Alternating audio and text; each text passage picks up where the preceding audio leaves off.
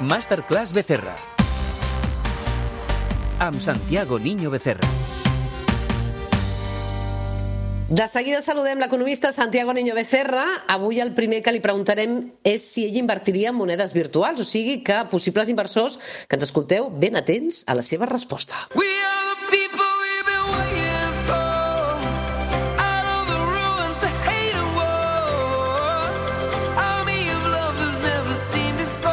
Santiago, Santiago Niño Becerra, bona nit, què tal? Què tal? Bona nit, Chantal, bona nit. Santiago, les criptomonedes són el futur de l'economia? Avui ens preguntem, o són pura especulació i acabaran morint? Què em diries? Bueno, a, a veure, d'entrada jo crec que s'ha de distingir entre mm, dos tipus de criptomonedes. Mm, ah, Tot això el que mm, et diré ara, Chantal, és sota el meu punt de vista, per favor, eh? és a dir, és, és la meva opinió. Mm. Jo crec que existeix el bitcoin i la resta. Mm, per què? Bueno, perquè el bitcoin eh, té una característica que no té, no té cap altra, i és que és, eh, el nombre de bitcoins és limitat mm, a 21 milions i pico. Mm, I això està limitat per a l'algoritme que mm, va posar en marxa el procés per minar bitcoins. I, entre parèntesis, ja s'han produït el 90% dels, bit, del bitco, dels bitcoins que es poden produir. Bé, ll- ll- llavors, eh, jo crec que no... Eh, eh, amb la qual bàsicament, jo parlaré del bitcoin. Jo crec que el bitcoin és un actiu mm, eh, diferent, que té eh, unes característiques molt pròpies i que es regeix totalment per l'oferta i la demanda. Eh, quan hi ha oferta eh, i no hi ha una demanda pròpia o clara o definida o su suficient, el preu baixa i quan hi ha una eh, i quan mm, succeeix el contrari, el preu, el preu puja. Llavors, mm, jo eh, em preguntaràs, tu invertiries en bitcoins? La resposta és que sí. Sí. Tu La invertiries, resposta, eh, la Santiago? resposta és que sí. Cuidado, espera, espera. Però mm, si, es do, si, si es donen tres eh, punts, tres característiques. Primer, eh, jo, jo invertiria un, una quantitat de diners, X, la que sigui, si eh, mm, jo pogués mm, oblidar-me tres anys d'aquesta quantitat de diners, eh, és a dir, que tingués la, la seguretat de que durant tres anys no necessitaria aquests diners, primera cosa. Segona, eh, si eh, no m'importés en absolut eh, perdre aquesta quantitat de diners, i, i quan dic perdre vull dir zero, és a dir, que em quedés zero, i eh, dos, i, te, i tercera, pràcticament oblidar-me i només mirar després de 3 anys com ha sigut, com ha anat aquesta inversió. Ara em preguntaràs, i per què per 3 què, anys? per què? Perquè és molt volàtil, ara en parlarem. Perquè, eh, clar, el món de les criptomonedes és molt desconegut. Aquesta tecnologia eh, és una arquitectura molt gran, que hi ha més de 7.700 criptomonedes, Mm. Sí. que avui et sentaves en el bitcoin, no?, com deies. Sí. Eh, però la pregunta que et faig és qui hi ha darrere de tot això? Perquè, clar, a mi em fa una certa por saber qui hi ha darrere el bitcoin, qui hi ha darrere d'aquestes criptomonedes. Bueno, al Bitcoin, eh, a darrere, eh, hi ha, eh, en teoria, un senyor mm, que té nom japonès. Tothom diu que, que, bueno, que aquest senyor no existeix i que és un, con- un conglomerat de persones que l'any 2009 van dissenyar un algoritme i una forma de una, una, i, una, i una forma per mm, fabricar, entre cometes, aquestes, aquestes criptomonedes. Lla- Llavors, mm, aquestes criptomonedes, eh, el Bitcoin concretament, eh, s'obté com a premi per, mm, eh, com a premi, com a, com a, com a resultat de fer una sèrie d'operacions, evidentment en el món informàtic, de seguiment, verificació, etc etc d'una sèrie de, de, de tecnologies i de passos que, que, que es fan. No? És a dir, tu entres en el món aquest i si tens la capacitat inf- informàtica necessària per, i l'energia elèctrica eh, per generar um, per aquests processos, tu obtens bitcoins a canvi. Clar, a l'any 2010 tu podies amb un portàtil a casa minar bitcoins i ara necessites una instal·lació pues, realment mm, eh, molt, molt, molt important. Qui hi ha darrere de, a- del bitcoin? Bueno, bàsicament, mm, la gent que té bitcoins. Mm, ningú més. No hi ha cap banc central, no hi ha cap govern, eh, no hi ha cap estat, només la, les persones que tenen bitcoins, que sembla ser que estan eh, agrupades en dos tipus. És a dir, un, un o dos grups de persones. Un, un, un grup de, de persones que té molts bitcoins, mol, molts bitcoins vull dir l'equivalent a 7.000 milions de dòlars. Eh? Estem parlant d'això, 7.000 milions, 6.000 milions...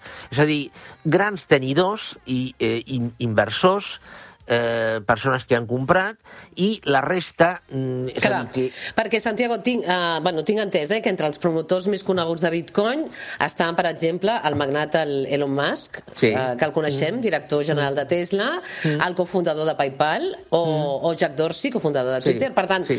els directius de grans empreses tecnològiques estarien aquí al darrere, però se sap també que les principals fortunes que ara comentaves del món criptó són menys conegudes per al, per al gran públic, eh?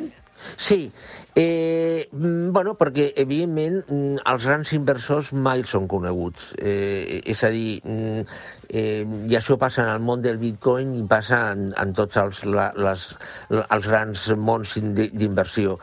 Eh, a veure, eh, jo, jo ja et dic, eh, eh, jo si pogués Eh, i t'ho dic, i, i dic de veritat, eh? És a dir, jo, si pogués, eh, compraria bitcoins.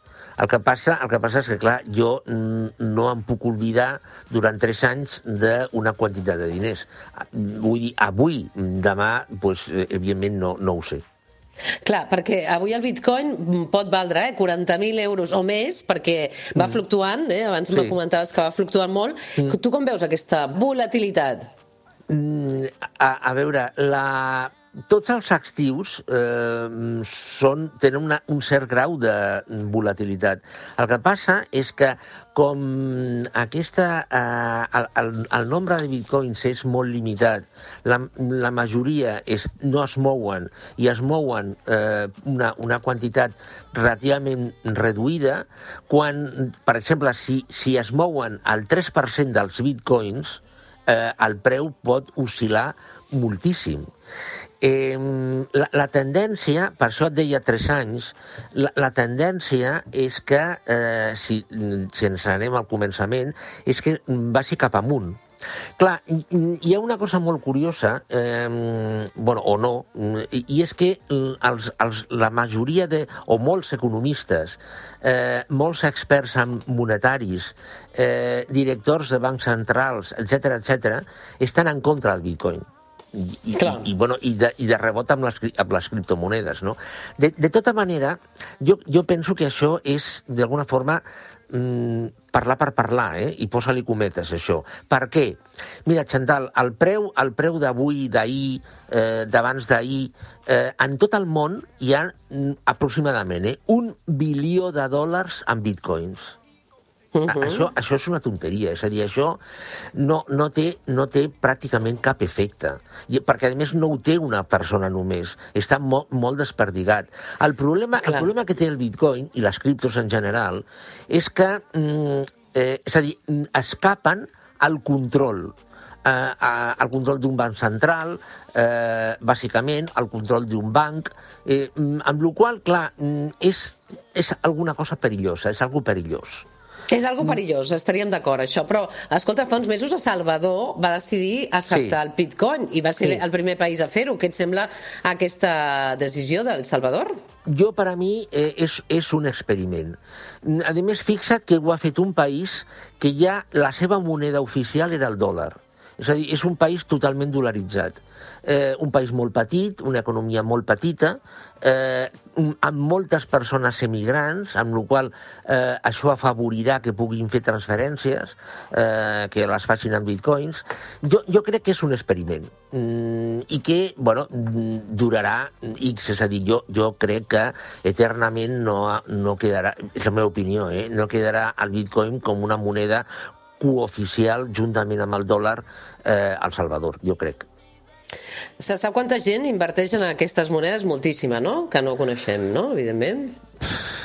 Però és que, és que, és que mm, hi ha gent que inverteix pues, bueno, mm, jo conec una persona que eh, mm, diràs, bueno, però això no és res, bueno, no, no és res, vale? però un, jo conec una persona que cada setmana, cada 15 dies, inverteix 300 euros. I li va bé? I li va bé? Bueno, de, de moment sí, perquè clar, és que, és que com el preu és tan volàtil, és, mm -hmm. és a dir, eh, mm, va, va comprar quan... Es, em sembla que va entrar en aquesta història quan estava a 30.000 dòlars, em penso, no? Eh, llavors ha pujat, ha baixat, puja, baixa, i bueno, i, i, eh, i de moment sí, de moment guanya. Mm, és a dir, hi, hi, ha, hi ha persones que mm, compren realment molt poc, però bueno, clar, és a dir, molt poc durant molt temps, doncs, bueno, eh, és una certa quantitat. Molt bé. Doncs avui volíem parlar de- d'aquest món, de les criptomonedes, amb Santiago Niño Becerra. Ell ha dit si, ja sabeu, eh, 3 anys, si no necessiteu aquests diners en 3 anys, invertiria, si no, no. I mm, seguirem parlant d'aquest món, perquè no hi ha bancs europeus, no hi ha reserves federals al darrere, però hi ha molt moviment en aquest món digital de les criptomonedes i avui que volíem parlar del bitcoin. Santiago, un plaer. Molt bé, Chantal, bona nit, bona nit. Una abraçada.